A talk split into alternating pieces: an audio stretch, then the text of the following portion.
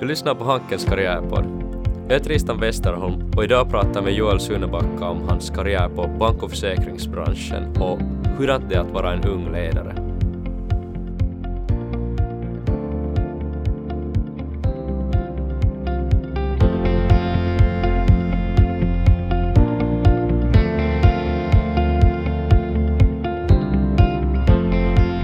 Yes, nu är god morgon Joel Sunnebacka här. är Tristan Westerholm då, Hankes karriärpodd igen och med mig har jag då som sagt Joel Sunnebacka, årets alumn 2022 och även då VD där i Lähi Tapiola. Joel, vill du berätta lite hur du har hamnat nu liksom då in på den här uh, branschen av, då, av försäkringar? Hur, hur kom det sig? God morgon Tristan och trevligt att vara här. Uh, jag kom in på branschen i princip i misstag. Och, uh, jag kom in redan under studietiden första gången, att det är andra gången in i försäkringsbranschen och det där, jag hade varit på utbyte i Troy i Albany från Hanken och vad heter det, efter utbyte så är ju pengarna slut Mhm. och då behövde jag ett jobb.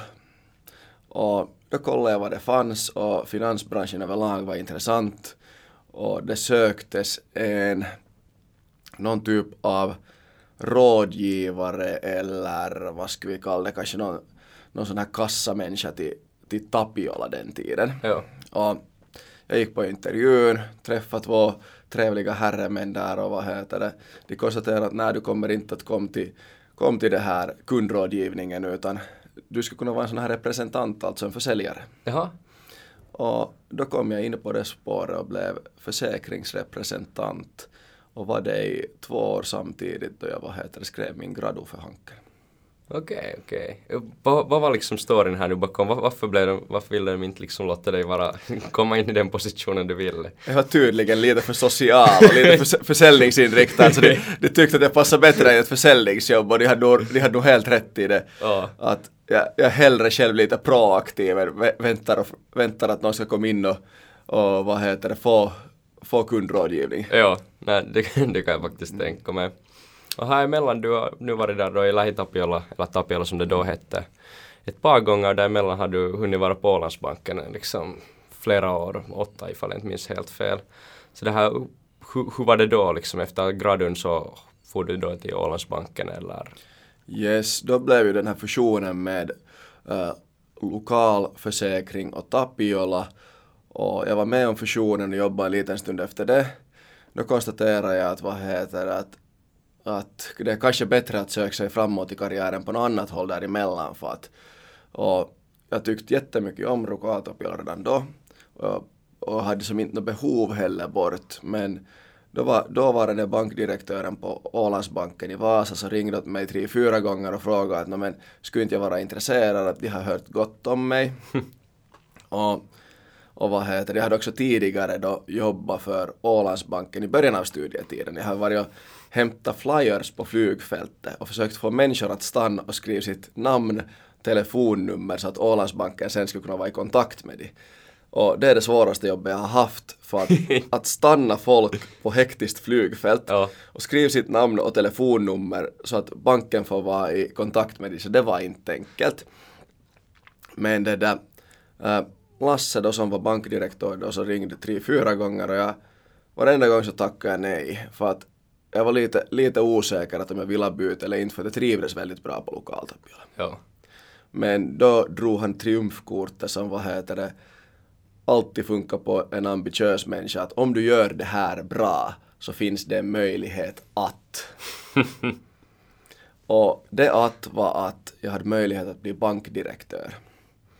För att han skulle själv gå i pension efter några år och han berättade att om man gör sitt jobb bra Mhm. så då kan jag vara nästa bankdirektör för Ålandsbanken i Vasa och jag var då kanske en 25-26 år och jag tänkte sådär wow att vitsi vad coolt att, att bankdirektör, att det, det är ju nog som en chans som man inte får miss. Ja. Så därför blev det Ålandsbanken sen och jag började som en privat bankir då. Och hur var det det här efter, efter din privatbankir? Eller vad, fick du liksom kanske då i hand av det? För jag känner att eh, hur jag själv tänker har du aldrig hållit på och gjort liksom några privatbankirsaker men jag skulle tänka mig att det inte kanske lika sådär försäljningsinriktat som, som det här ändå kanske dina tider där som en flyergivare här på Ålandsbanken men, men hurdant var det där liksom, vad fick du ut av det?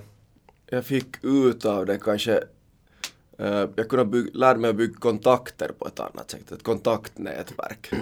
För att när man jobbar med, som privatbankir så jobbar man ju med de allra förmögnaste människorna, med de ja. framgångsrika vad heter det, företagare och, och det är ju ett jätteviktigt kontaktnätverk att ha. Att man är med där det händer helt enkelt. Och, och hela bankbranschen, likadant som försäkringar, så bygger ju på förtroende. Ja.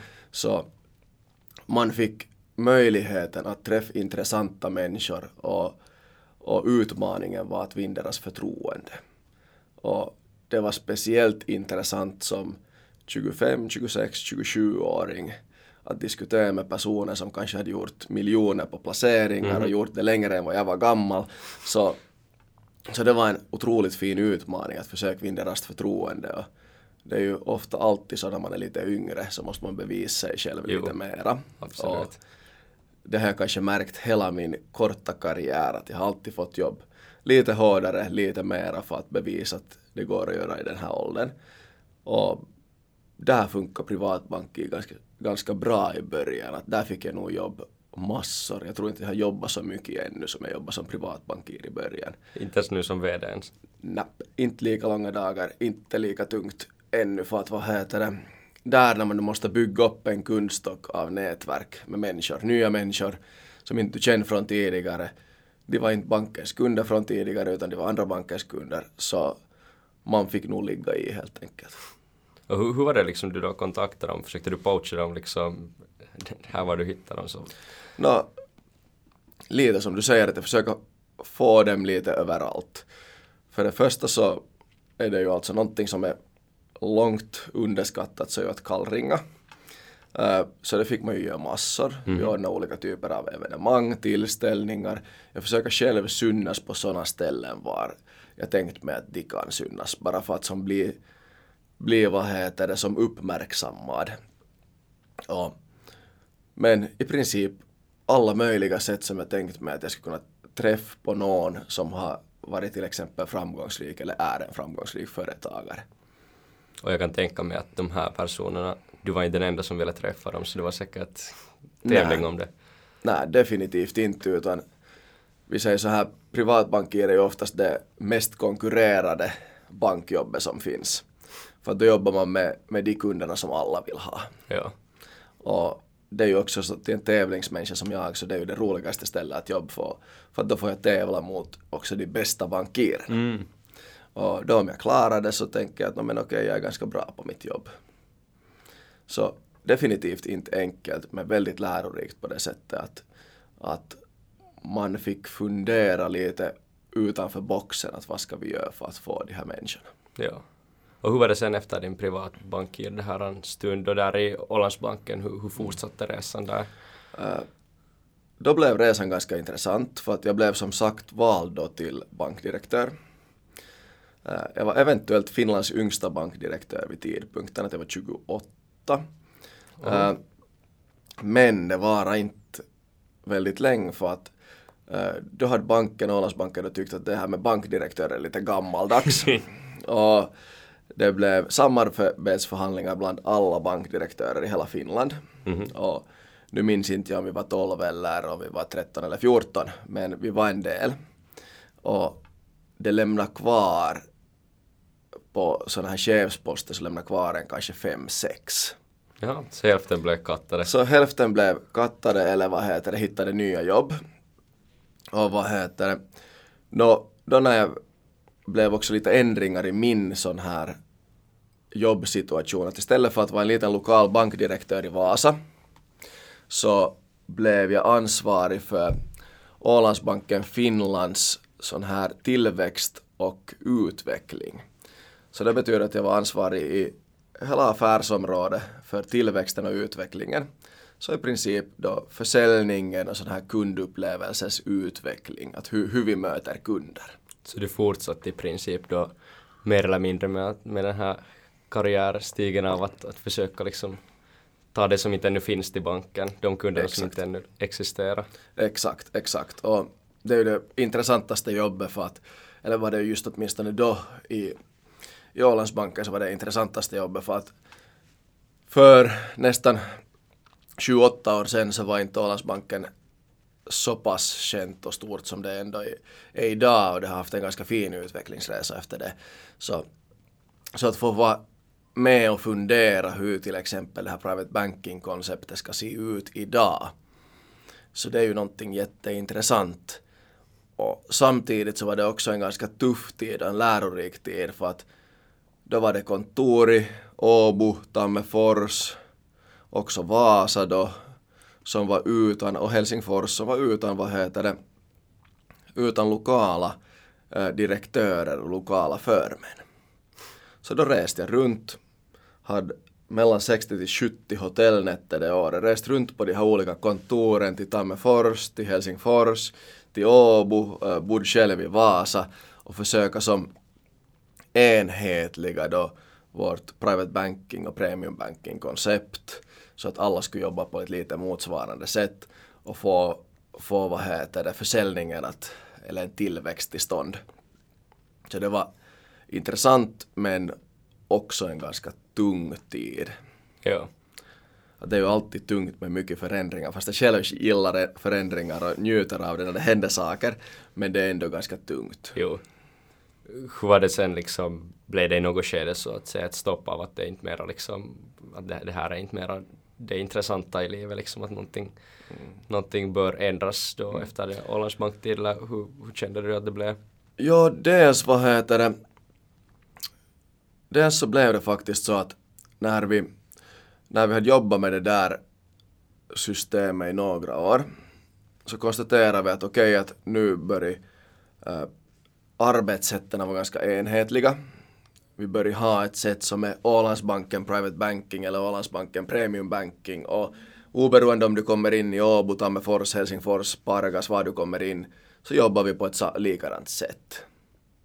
Och i det skedet så kom vi överens i det här Finlands ledningsgrupp då att no, men vi tar tillbaks lokala bankdirektörer. och sköter det lokalt. Så då, då fick jag, vad heter det, flytta tillbaka, eller koncentrera mig tillbaks på Österbotten. Ja. Uh, jag fick också en möjlighet som var jätteintressant. Jag fick öppna ett nytt, uh, en ny sån här private banking-enhet i, vad heter det, Uleåborg. Ja. For du dit då liksom efter, så du lämnade, lämnade här Vasa och åkte till Uleåborg för att öppna det? Ja, eller vad heter jag, jag har bott hela tiden i Vasa, men ja. jag har alltid varit som ganska mobil av mig, så det har inte varit på det sättet ett problem. Uh, jag, jag och min kollega Åsa Backman som vi då gjorde med så vad heter det, vi bestämde att vi rekryterar, eller diskuterade med banken och bestämde att vi rekryterar några personer till Uleåborg, startade en sån här kapitalförvaltningsenhet där, uh, började bygga upp ett privat bank i Uleåborg med Ålandsbanken-brandet. Och det var ju någonting intressant för att det är ganska sällan man idag får öppna bankkontor Absolut. så att säga. De flesta stänger ju bankkontor. Det är många bankirer är jättebra på att stänga bankkontor. Det är få som har fått öppna bankkontor. Så då öppnade vi ett kontor i Uleåborg och efter det så, vad heter det, så började jag kanske känna att jag har inte så mycket att ge mer. Ja. Det mesta var som gjort som jag kunde göra för Ålandsbanken och jag kände att vad heter att kanske det är bättre att andra personer med mera iver och mera vad heter att ge Ja. så fortsätter därifrån. Och då kom det ganska passligt det här med lokal Tapiola Österbottens VD så Men hur var det liksom, var det en öppen position på mål.fi det här som du hittade eller hur gick det till? Uh, ja, det, en, det var ju en öppen position. Att det, det är den i princip största finanstjänsten som finns, till, finns i Österbotten. Så det var ju ganska stor till och med sån här lokal rekrytering och med tanke på att det fick ganska mycket publicitet. Uh, det som hände åt mig så var att jag blev kontaktad av en headhunter. Jag blev också kontaktad av, av själva bolaget som sökte att om jag är intresserad Okej. av att söka. Och kanske närmast att varför inte jag har sökt. Och, det där, och vi hade en lång lång diskussion och vad heter det, vi konstaterade att det här är som nog mitt, mitt nästa steg Mm. och att jag är villig som att vara med i processen som alla andra som hade sökt. Jep. Nu minns inte jag exakt hur många personer det var som hade sökt men jag ser att det var tiotals runt, från, runt om i Finland. Jag skulle vilja säga en siffra på 60 någonting som Ja. var med i det här andra skedet som var kvalificerade. Men det där, så var jag med i processen. Desto längre man är med i en process så blir det ju också en tävling, lite så att vem blir Mhm. vald. Så vad heter det, blev jag väldigt inne i det, äh, gav processen i princip mitt allt. Och sist och slutligen för, vad blir det, dryga, ja, no, fyra, fem månader sedan så blev jag då vald till lokaltapiola Österbottens VD. Och hur var det här rent tidsmässigt? Hur lång var den här själva liksom rekryteringsprocessen från din synpunkt? Ja. Från den dagen då någon headhunter liksom ringde till dig? Mm, vad skulle jag våga säga? Två månader kanske ungefär. Ganska lång tid att hålla på och hålla andan. Det är en jättelång tid och samtidigt så har du ändå ett ansvarsfullt jobb på ett annat ställe som ska skötas med bravur. Eh, Så det är en väldigt lång tid och det är ändå en process som är sekretessbelagd. Att du pratar inte om det med Nej. kompisar eller med kollegor eller med någon annan utan det är sådär att du håller dig för dig själv. Eh, Och det var ju flera, flera delar att jag, jag har varit både på intervjuer med headhunters, med äh, styrelsen, med mm, varit på olika tester,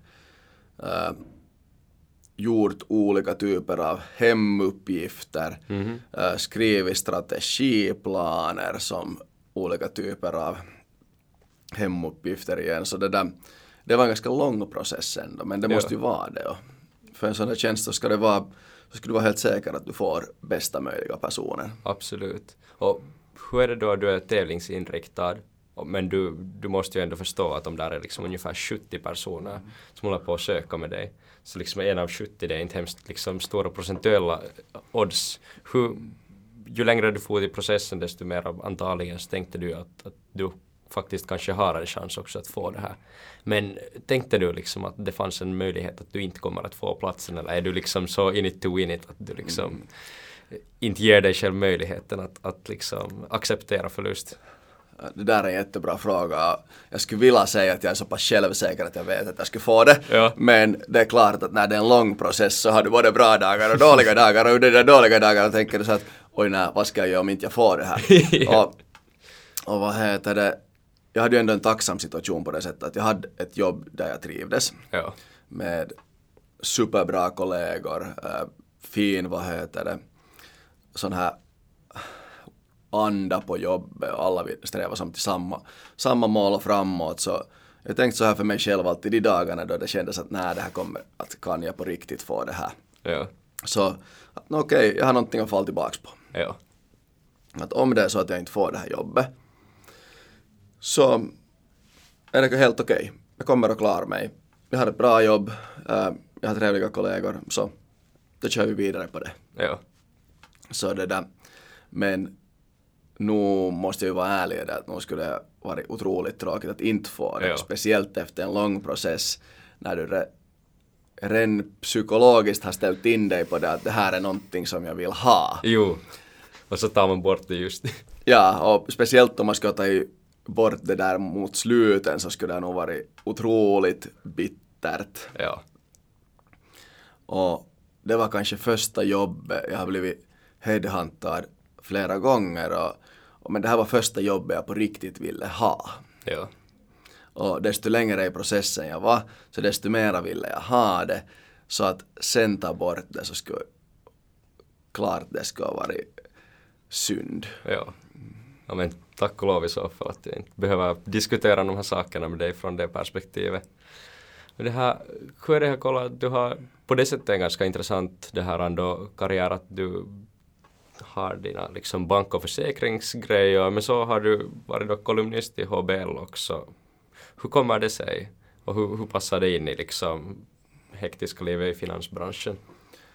Ja, det, det, hör, det hör till samma kategori att äh, en dag så fick jag ett meddelande från Susanna Ginman och hon skickade och frågade om jag skulle vara intresserad av att vara kolumnist på Huvudstadsbladet. Och jag var sådär väntas nu att nu har jag, jag tycker om att skriva Ja. och jag har oftast mycket att säga. Att jag har en åsikt i de flesta sakerna. Ja. Och, och det där, jag har tidigare skrivit till exempel i Vasabladet och, och i de här lokala tidningarna så har jag kunnat skriva kolumn eller, eller några andra åsikter och det där. Har du skickat några insändare också dit? Nej, eller? aldrig, aldrig som sänt någonting utan det har mest varit sådär att man har frågat om jag skriver kolumn eller om jag kan skriva om något aktuellt ämne eller någonting Ja. sånt.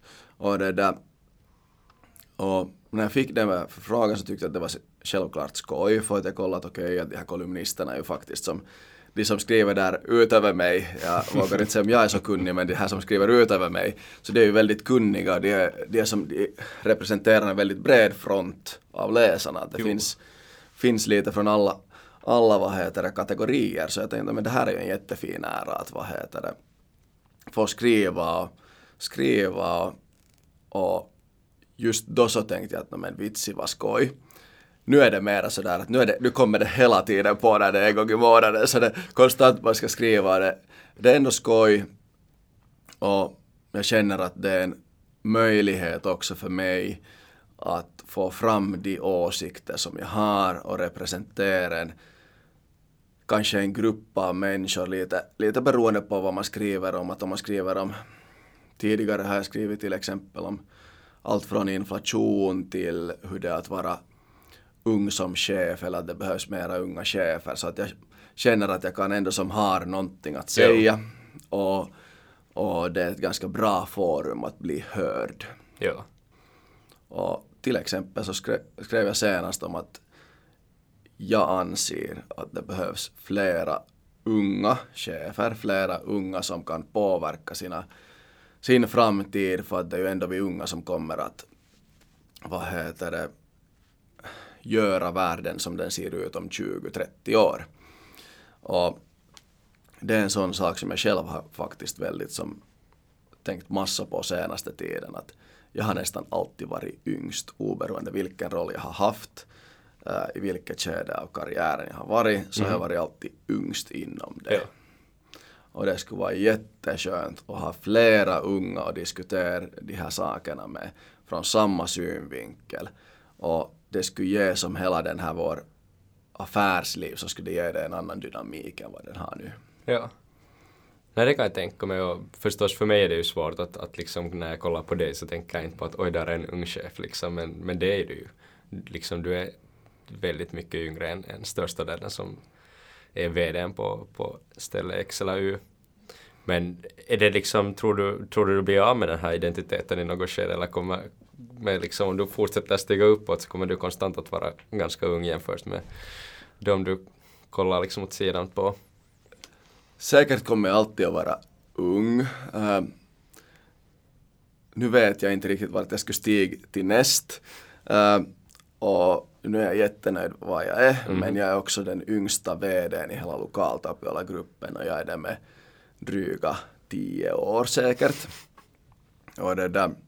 Så fast det skulle komma in ny, nya VDn till gruppen eller överlag till finansbranschen fast det skulle komma nya VDn så tror jag ändå att jag kommer en lång tid att vara yngst för att också de framöver som rekryteras så är antagligen lite äldre än mig. De skulle helst inte behöva vara det men Ja. antagligen så är de det att, att nu har jag också förstått att, att jag antagligen är den yngsta finans som Finansinspektionen godkänner någonsin. Så det är ju också att jag är ju inte rent praktiskt så är jag ju inte VD ännu för att när det är Nej. ett finansbolag och du blir vald till VD så jag har blivit vald till VD men då kräver det att Finansinspektionen godkänner en och då kan det ta sex månader, det kan ta nio månader. Att det är ju en process som man går igenom, en inlärningsprocess. Och för att säkerställa att till exempel de äh, no, i Österbotten så har en fjärde, äh, eh, förlåt, 40 procent av alla vad heter det, österbottningar är kunder. Dryga Ja. 40 procent. Så då är det Finansinspektionen som säkerställer att vad heter det, de 40 procent av österbottningarna får en bra VD och att jag har en inlärningsprocess så att jag är säkert vad heter det, duktig och kompetent inom det jag gör när jag sedan får titeln VD. Men det här... är, det, sen någon, liksom, någon sorts inträdesprov som FIVA sätter till det eller vad, hur går det? Nej, FIVA sätter inte något inträdesprov utan jag rapporterar månatligen vad jag har gjort nästan på dagnivå och hur min det här inlärningsprocess ser ut. Vem har lärt mig om, om några saker, till exempel om hur försäkringsbolagets balans är uppbyggd, vad Solvens 2 är, vad, hur jag jobbar med olika typer av riskfrågor inom försäkringsbolaget. Uh, underwriting, mycket saker. Så att jag måste ha som olika saker som jag hela tiden rapporterar åt att har jag fått en inlärning och vem har inlärt mig och hur många timmar, dagar jag har jobbat med den inlärningen. Det måste gå ganska mycket timmar åt att bara berätta till Fiva vad som händer där liksom konstant. Nå, no, inte går det så mycket för okay. att jag har ju ändå allting i kalendern. Ja. Så, så det är ju mer att vad heter det, rapportera vad jag har i kalendern för att, okay. det, för att jag är inte riktigt herre över min egen kalender ännu utan nu är det, nu är det mest sådär att jag försöker jobba och hjälpa till lokalt uppe i Österbotten men samtidigt så, så skolar jag också in mig så det är nästan som att man ska ha ett dubbeljobb för tillfället. Och, och hur är det liksom då som VD, vad är det liksom de facto du gör? Liksom, vad, vilka beslut, vad, vad, vad är det liksom som du gör när du går på jobbet annat än berätta till Fiva vad du gör? Uh, som VD så är jag ju ansvarig för själva bolaget gentemot styrelsen och ägarna. Och i ett ömsesidigt försäkringsbolag så har vi då till exempel i lokaltapiola Österbotten så har vi 40 procent som sagt av alla österbottningar ägare. Så ser jag till som VD att de här 40 procentens kundägarvilja så går igenom. Så mitt jobb är en balansgång mellan att göra väldigt bra business, äh, ha bra försäkringar, och samtidigt så är det att trygga österbottningarnas liv. Och mitt jobb då som VD är att bygga ett, äh, en så fungerande organisation som möjligt kring det där så att österbottningarna ska få bra service, bra hjälp när det behövs. De ska ha äh, bra rådgivare som hjälper till dem i olika livsskeden. Äh, och samtidigt se till att bolaget är så pass välmående att vi klarar av fast det skulle bli större skador, äh, större försäkringsärenden. Så vi klarar av det. Så det, det är det där generellt mitt jobb. Ja. På daglig basis så är det ju väldigt mycket personalledning. Ja.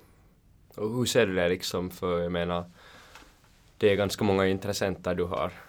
Och det brukar betyda kompromisser och att man inte riktigt är nöjd med besluten man gör. Känner du frustration i ditt jobb med att det finns så många olika håll du borde åt samma håll gå mot? Uh, nej, kanske inte. Jag, inte frustration, jag känner nog mer en stolthet av att jag faktiskt har möjligheten att göra en så stor del av österbottningarnas vardag tryggare eller försök trygg den. Att inte, inte känner jag som på det sättet någon frustration i det. Eller jag förstår ju förstås det att, att om vi har så stor del, majoriteten av österbottningarna är nästan kunder, mm -hmm. så alla kan inte vara nöjda med alla beslut. Tyvärr så är det ju så. Men mitt jobb är ju att se till att de flesta, ja. nästan alla, är nöjda. Och, och det är ju en otroligt fin sak att få jobba med. Att tidigare till exempel som privatbankir så jobbade jag med en väldigt liten grupp av människor, mm. människor en utvald grupp av människor. Och det är ju också spännande på sitt sätt. Men det här att få jobba med största allmänheten och försöka påverka många människors liv till det bättre så inte förstod jag det tidigare men det är nog väldigt mycket intressantare. Ja. Ja, hur ser du egentligen dynamiken? Jag skulle tänka mig att liksom private banking-kunderna, där är det mer du som springer efter kunden. Liksom kunden är väldigt, väldigt viktig och den får lite domdera och liksom ja, bestämma mera vad som händer och nu sen gentemot liksom, nu har du halva populationen är kunder och då är det liksom mera ni som är unika liksom bara ett, ett försäkringsinstitut men liksom väldigt mycket kunder. Hur ser du den här maktdynamiken liksom mellan de här två? Mm. Eh, otroligt bra fråga. Och jag har själv också funderat en hel del på det där att hur, hur det har som ändrat. Eh, det är kanske mera det att jag försöker ta med mig från den där, från att ha jobbat i en framgångsrik privatbank, så det där sättet hur man sköter om människor. Mm. Och hur man bemöter människor.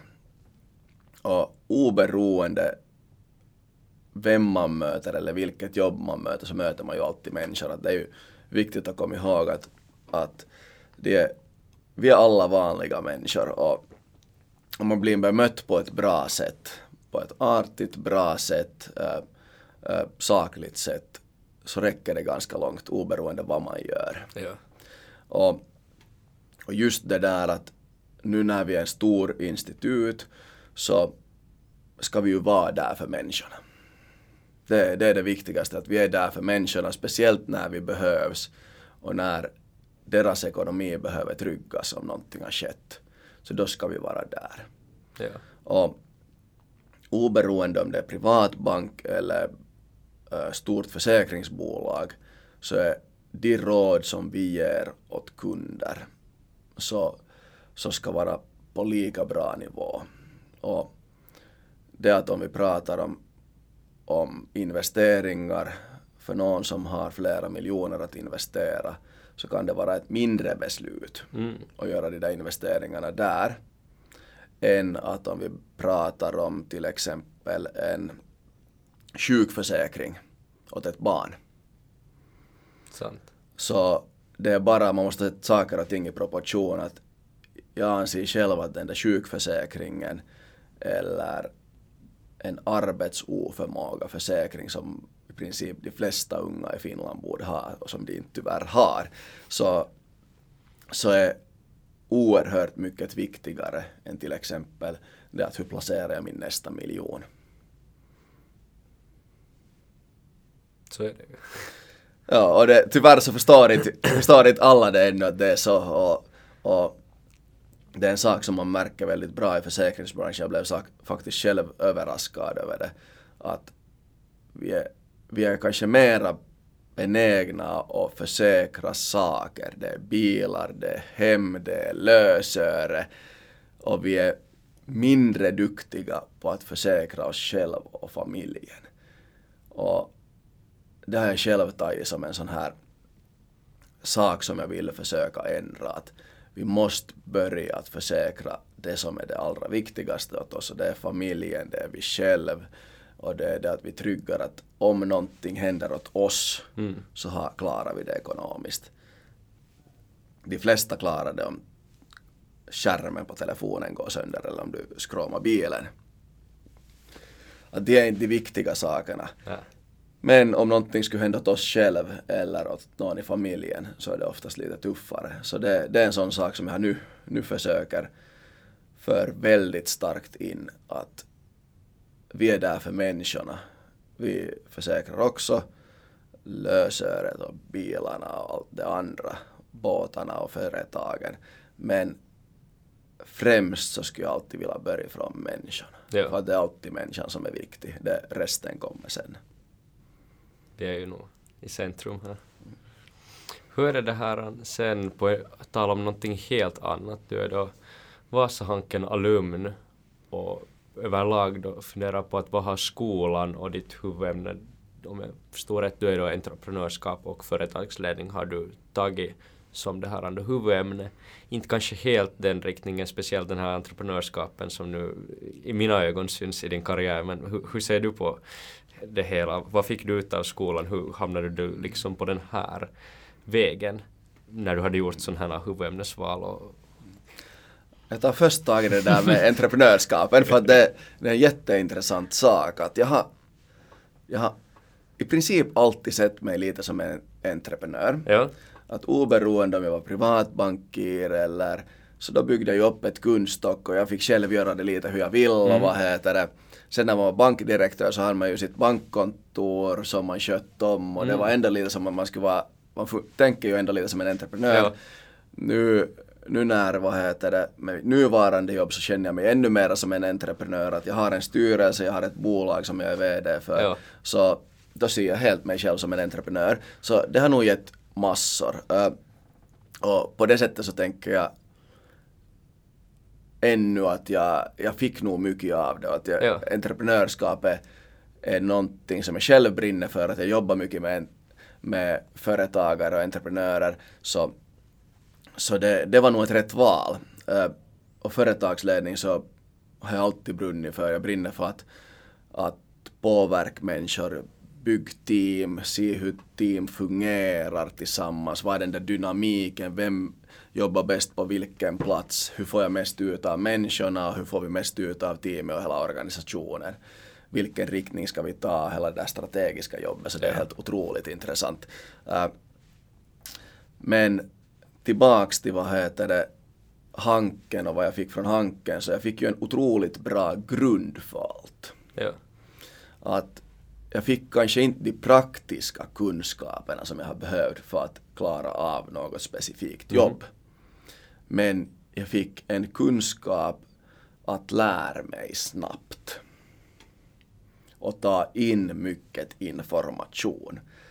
För att mycket idag handlar ju om att ta in en hel massa mängder av information, äh, filtrera det, fundera på det och sen ta ett beslut på basen av den informationen. Ja. Och det är ändå en kunskap som man lär sig på Hanken. Man tar in massor med information och så skriver man en essä om det med väsentligaste av det. Eller så skriver man en tent och svarar på frågorna på Ja. basen av informationen man har tagit in. Så man lär sig att lära sig. Så det var en viktig sak. En annan viktig sak är nätverk. Att Hanken är ju en av de ställen där man bygger ändå ett nätverk för arbetslivet. Och, och det har jag nog haft väldigt stor nytta av i princip hela karriären. Och det är allt från att jag eh, äh, rekryterade en av mina, vad heter det, som var på samma klass i skolan. I Hanken så rekryterade jag att led Ålandsbanken med mig till att jag har rekryterat massor med sommarjobbare. Äh, så det är samtidigt så till exempel min sambo så har jag träffat på Hanken. Det är som Ja. otroligt många saker när man ser tillbaks på det så kommer, har man haft nytta av den tiden som man har haft på Hanken. Och de här sakerna så förstår inte man då när man studerar. Det här är ju bara liksom en, en litet skede av mitt liv och så går jag ut härifrån. Exakt. Och, och vad heter det? Så, exakt så tänkte jag och, att och jag var in, inte en bra jag var inte världens smartaste studerande. Jag har inte haft bästa vitsorden. Uh, jag har en finska kurs, alltså min mamma är finskspråkig. Jag har en finska kurs som jag har fått typ 99 poäng i. Och den kommer jag alltid att minnas. Men det var typ en finska kurs. Och, men annars så har jag inte varit en bra studerande utan, utan jag har satsat på att, att vad heter det, ganska mycket på att jobba, jag har satsat på att bygga de där nätverken, jag har satsat på att idrotta, jag har satsat på mycket runt omkring. Hanken var i princip ett kvalitetsstämpel som jag måste ha för att komma vidare i livet sen. Och som, så att jag skulle ha så många dörrar öppna för mig som möjligt efter vad heter det, studierna. Äh, men ja, jag skulle aldrig ha trott på den tiden att hur mycket det skulle ha påverkat mitt liv. Att, att det där, och hur mycket det skulle ha gett mig. Och speciellt under tiden på Ålandsbanken som jag nu har jobbat längst på så, så vad heter det, spelar nog Hanken en väldigt viktig roll i det att äh, mina kollegor var till exempel därifrån och jag hade Ja. en del av det så hade jag träffat på Hanken och, och kanske inte varit bästa kompisar men att man visste ändå vem det var. Och det gav ändå en trygghet i sen att det går att lita på de här människorna och, Ja. och jag trivs säkert med de här människorna. Så otroligt viktig roll haft och man förstår inte när man studerar där. Det, man ser det först efteråt. Det är med and, flesta andra saker i livet som man förstår efteråt att hur viktiga de har varit Ja. just i det skedet. Men man märker det först när man har, vad heter det, gått vidare från det så märker man att oj vits att det där hade en så där stor betydelse eller, eller så det blev det här, på det här sättet sen efteråt. Ja, det kan man ju nog inte se, Nej. se ännu. Nej. Eh, så. Men helt otroligt viktig del av min liv. Ja. ja men det är ju skönt att höra. Hörru det här, sen har jag lite annorlunda frågor till dig Joel. Det här, de här pratar kanske mer då handlar om din person och mindre om din karriär eller det här studietiderna. Men det här, jag börjar köra på så det går alltså ut på det att, att jag har en mening och där finns en blank som ska fyllas i. Och första meningen är att jag är lycklig när. Jag kommer framåt. När jag kommer framåt. Vad är framåt till det? Eh, det kan betyda många saker. Det kan betyda att eh, jag blir bättre på padel. Det kan betyda att eh, uh, lokaltapiola Österbotten gör ett bra resultat. Vi lyckas trygga österbottningarnas liv. Det kan betyda att äh, jag blir gör ett bra crossfit-resultat. Det kan betyda vad som helst när jag känner att någonting utvecklas. Jag har alltid funderat på att, att mitt liv tar slut då när det inte mera finns utveckling. Exakt, exakt det att, att jag njuter av när det händer saker. Och, och när jag känner att nu har jag gjort någonting som gör att jag kommer framåt och att det som jag hade jobbat för så tar ett ste- nästa steg. Ja. Hur är det då med jag ångrar att? Mm. Jag kan inte säga som någonting sådär direkt som jag skulle hitta en sak som jag ångrar att äh, man ska ta vara på den tiden man har. Så att man inte behöver ångra någonting efteråt. Och jag är ganska impulsiv människa. Så vad heter det, jag gör oftast före och mera saker så att jag behöver ångra mindre sen efteråt. Så inte, tyvärr så kommer inte på någon annan så enskild sak men, men kanske det att man måste vara på sakerna så att man inte ångrar på det efteråt. Ja. Hur är det här då med en viktig sak jag lärt mig i livet är? Att man klarar inte någonting ensam. Och det är nog en jättebra lärdom och själv trodde jag tidigare fast jag har lagidrottsbakgrund så jag tänkte att jag kan göra jättemycket själv. Jag borde ha varit så smart att jag skulle förstå att det, skulle, det måste finnas ett lag bakom allt. Eller ett team bakom allt. Men att det där Ja, att man alltid behöver andra människor runt omkring sig. Ett människa som man trivs med, ett team som har samma målsättningar. Sen då, nu hoppar vi tillbaks lite till Hanken spår, fast det sa att vi inte skulle göra det men första dagen på Hanken. Oj, eh, det var en svår fråga. Första dagen jag minns på Hanken så är gulisintagningen. Och jag kom till Hanken då en av mina bättre kompisar, Benjamin Rasmus, sökte till Hanken så tänkte jag att no, men ja, om Benny söker så lika bra kan jag söka, att vi kan ju åtminstone vara kompisar på skolan. Och jag minns att vi for till gulisintagningen och då blir man hoppar man in i de här stora svarta plastsäckarna och får en gul pannband och ska fara runt med en massa nya människor i stan och jag njuter ju av det. Få träffa nya människor, få göra roliga saker tillsammans så det där. Eh, det var spännande förstås men samtidigt så visste man att det var början på en ny, ett nytt kapitel i livet helt enkelt. Skulle du ha tänkt när du hoppade in i den där sopsäcken att du skulle vara här nu om, vad blir det, tio år? Nej, definitivt inte. Definitivt inte. Eh, Jag har nog alltid varit karriärsinriktad och målmedveten. Men jag hade kanske inte tänkt att allting skulle hända så här snabbt. Ja. Att det sa jag och vad heter när jag fick höra att jag blev till exempel årets alumn. Så tänkte jag att vits att jag är ju säkert 10 eller 15 år yngre än någon annan som har blivit det här någonsin. Att, att det här var ju som överraskande att allting har hänt mycket, mycket snabbare än vad jag någonsin ska kunna tänka mig. Så det där. Jag skulle säkert kunna tänka mig att jag skulle någon gång ha varit här. Mm. Men det ska jättemånga år senare.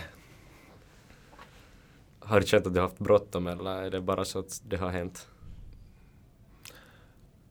Inte har haft bråttom inte, utan det, det har nog mer bast, mest bara hänt och, och det där.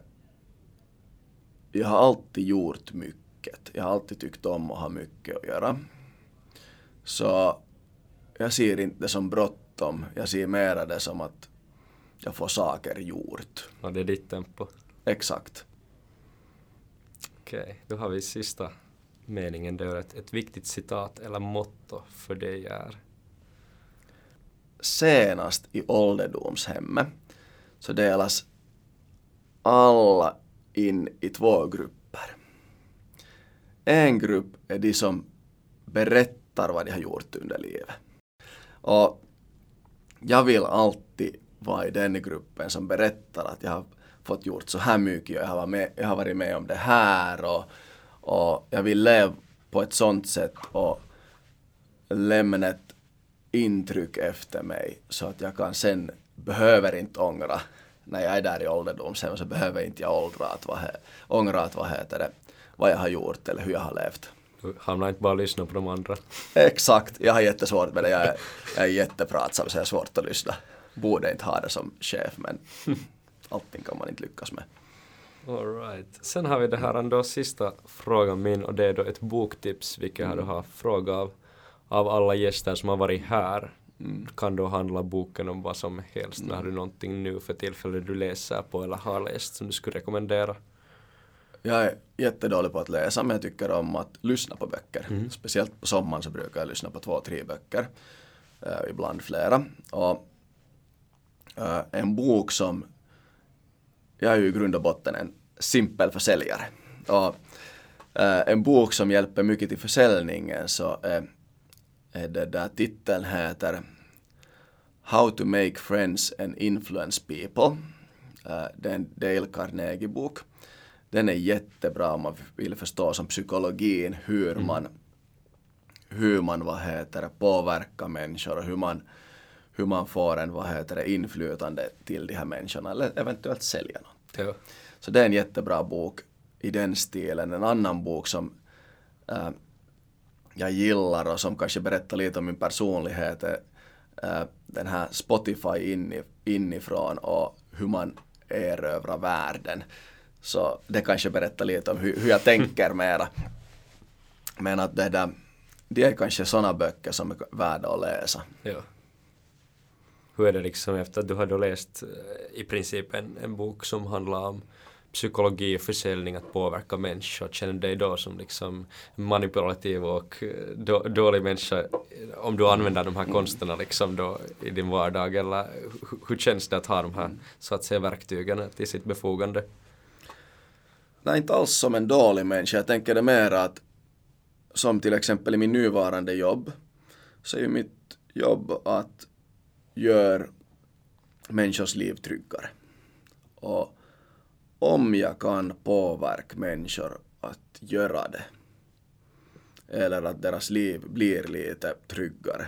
Så är jag helt säker att fast de då själva anser att de inte skulle eventuellt behöva en sjukförsäkring eller att de, det är bättre att försäkra bilen så om jag har fått påverka dem att de tar en sjukförsäkring och det sen någon dag händer någonting så att de faktiskt behöver använda den så då har jag ju bara vad heter det gjort dem en tjänst.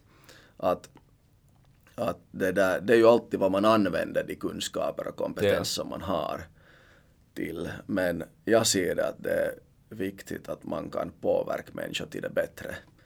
Det är ju samma sak varför jag anser att det är viktigt att vi har mycket unga chefer. För att om vi har mycket unga chefer och styrelsemedlemmar och många människor som är unga i samhället och på de platser var man kan påverka så kan man påverka en positiv ändring.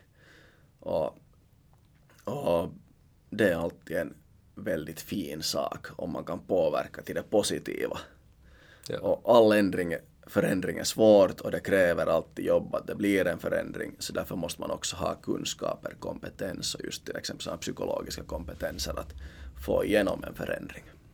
Ja. Nej, nu känner jag själv att den här cirkeln lite slutar sig här i diskussionen så vill det här gör, tacka dig för din tid här. Det har varit väldigt intressant här det här. Tack Tristan, det har varit otroligt intressant och att få vara med.